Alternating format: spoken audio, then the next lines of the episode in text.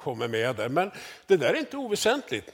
Är, han placeras in i ett historiskt sammanhang, både i tid men också i rum.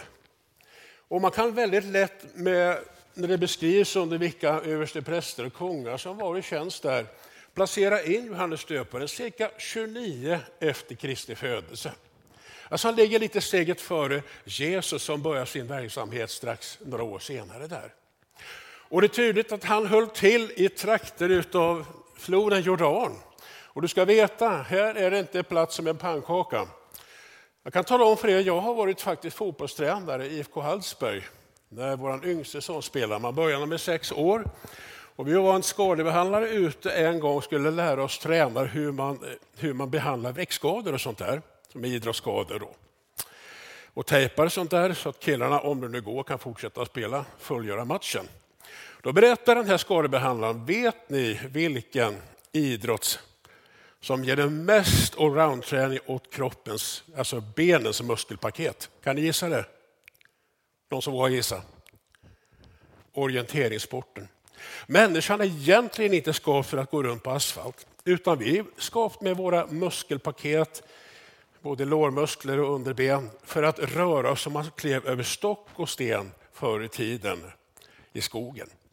Och så där var det lite, för kommer man ut i de här trakterna ska man ha klart för sig att här är det frågan om jobbig terräng. Det går uppför och det går nerför. Och det är stenig öken faktiskt i de här områdena.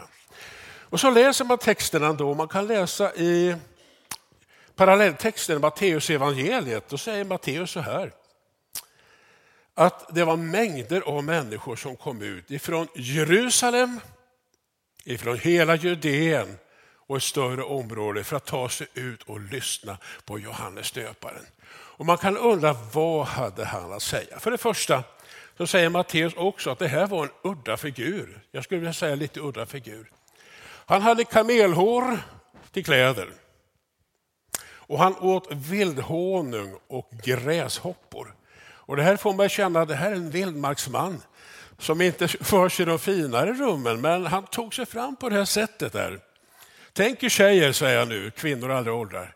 Tänk att bli kär i en kille, en vildmarksman som inte har sett en dusch på ett tag. Han kanske badade i floden i Jordan, jag vet. Han var säkert renlig. Men det här var inte viktiga saker för honom. Det fanns någonting annat på dagordningen för Johannes döparen.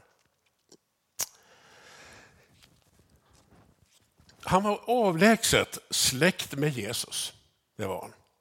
Jag tänker att på något vis är det här en kille som inte Alltså han hade säkert inget problem att få kompisar när han var ung, när han var barn och när han var tonåring. Det brukar de flesta av oss vilja ha. Men jag undrar ibland om Johannes döparen tyckte själv att han behövde ha många kompisar. Han hade säkert kompisar. I lite vuxen ålder som har sett, han är lite av en särling. Jag höll på att säga en enstöring, men i varje fall så stod han lite på egna ben.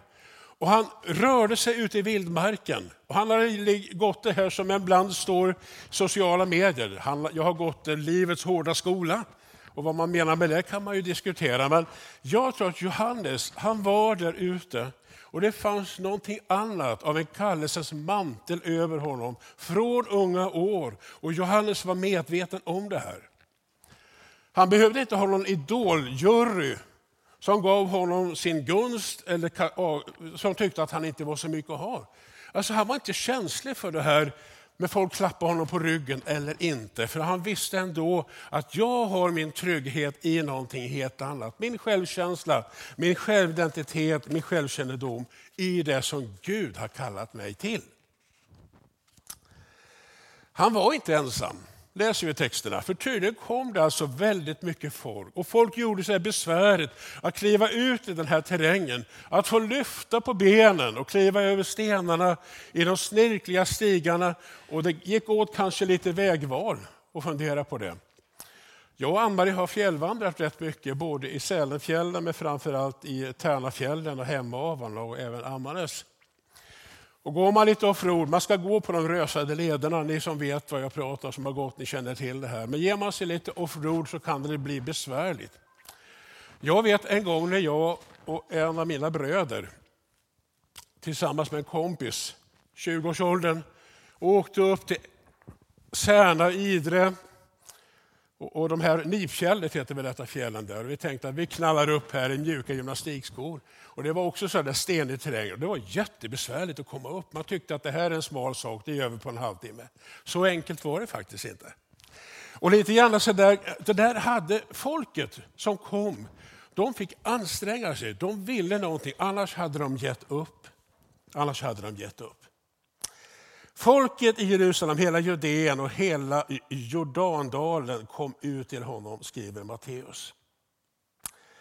Han väljer vildmarken. Jag tänker väl så här att Johannes är inte, om man nu tänker oss in i vår egen miljö, han står inte på någon centralt torg i Jönköping och ropar, utan han har gett sig upp långt in i Hökensås, i vildmarken. Där folk inte bara åker bara för man har vägen förbi, utan man får göra sig ärendet och leta rätt på honom in i skogarna där, djupt där inne. Man måste ha en ansträngning, man måste vilja höra det han säger. För han har ett budskap. Han har ett budskap. Alltså, Johannes blir kallad en Herrens profet, ett, ett Guds språkrör. Och då ska vi veta vid den här tiden, och det kallas inom senjudedomen, de sista 400 åren innan Jesu födelse, då har Guds röst varit väldigt tyst. Varför då? Jo, det är som om Gud har utelämnat folket till att längta och be Gud tala på nytt genom dina profeter. Och det fanns en sorg, ett vemod. Och i den här tiden så framträder då Johannes och talar. Och jag tror att det här rör vid människor som börjar undra, är Johannes den där som ska komma som vi ber om? Det vill säga Messias. Vi ska se vad svaret kommer bli på det senare. där. Alltså Det fanns en stor längtan. Gud, tala på nytt till oss som folk. Kom, gör din röst hörd. Och så kommer Johannes in i det här sammanhanget. Och Det första folket får höra är, och du förstår att han var ganska orädd man. Han säger till folk, alla säger han så här, huggormsyngel. Bär sådan frukt som hör till omvändelsen. Redan nu är yxan satt till roten på träden. Varje träd som inte bär frukt, god frukt ska huggas bort och kastas i elden. Det finns ett drag av en utmaning här. Alltså Johannes talar till dem som faktiskt på, Jesu, eller på hans egen tid och även på Jesu tid då, tyckte att jag är så pass god andligt och jag skulle säga jag är så pass religiös om jag får säga så. Så det är faktiskt Guds plikt att acceptera mig. Och då vänder Johannes på det här och säger, men Gud har ingen skyldighet alls. Titta på ditt eget liv. Vad är ärligt, vad är sanning? Och det utmanar han folk på det här sättet med. Han var en orädd person. Han är en omvändelsepredikant och han predikar också detta omvändelsedop. Nu ska vi klart att det dop som Johannes döper med är inte det dop vi predikar, eller det vi talar om och det vi, eh, det vi praktiserar. Det är ett nådens dop där i Herren Jesu Kristi försoningsdöd på Golgata kors. Johannesdopet, och det fanns en kultur bland judarna att använda det här med dop mer som ett tecken på att jag omvänder mig. Det var inte dåligt, han gjorde rätt. Men det dop som Jesus sen bjöd sin församling och lärjungar alla tider att döpa med, det är ett annat dop, det är ett nådedop. Du vet lite senare att det står att Johannes kastas i fängelse. Och när han får höra genom sina, han hade också lärjungakrets, när han hör, de ger en avrapport till Johannes i fängelse att Jesus gör det här. Då tyckte nog Johannes att Jesus predikar för mycket nåd och förlåtelse, märkligt nog. Men de får också tala om vad som händer för någonting, så att Johannes kan ändå koppla Jesus till de, profetlöft, eller de löften om Messias i profettexterna i Gamla Testamentet. Där. Men Johannes utmanar människor och sa, du, ni är på väg åt fel håll, vänd om. Vänd om.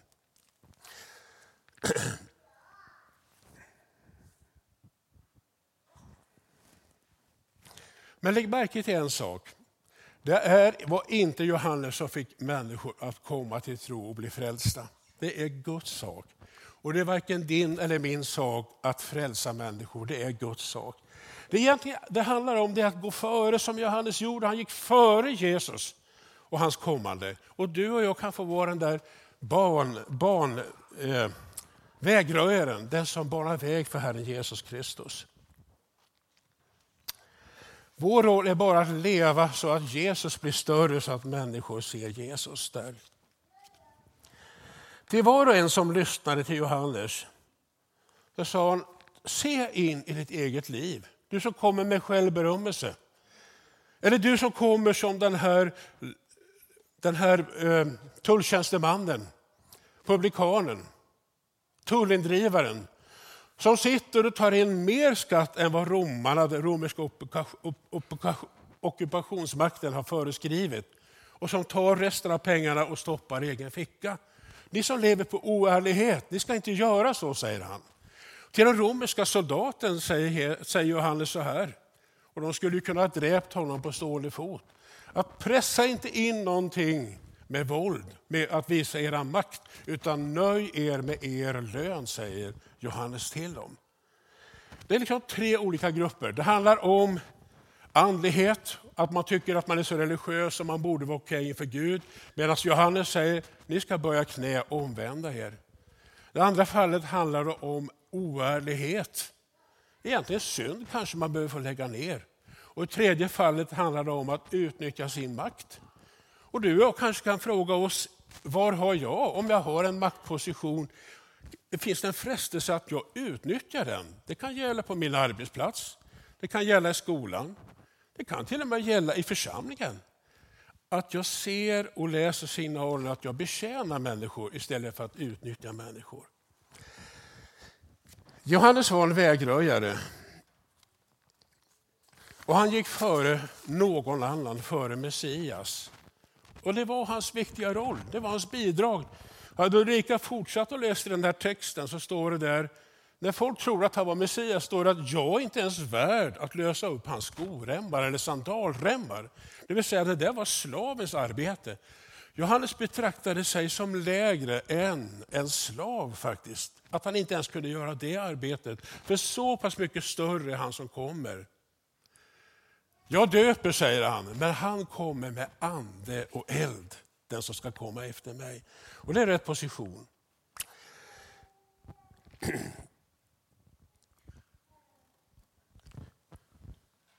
Jag tänker så här, vi ska strax ge tillfälle till bön här.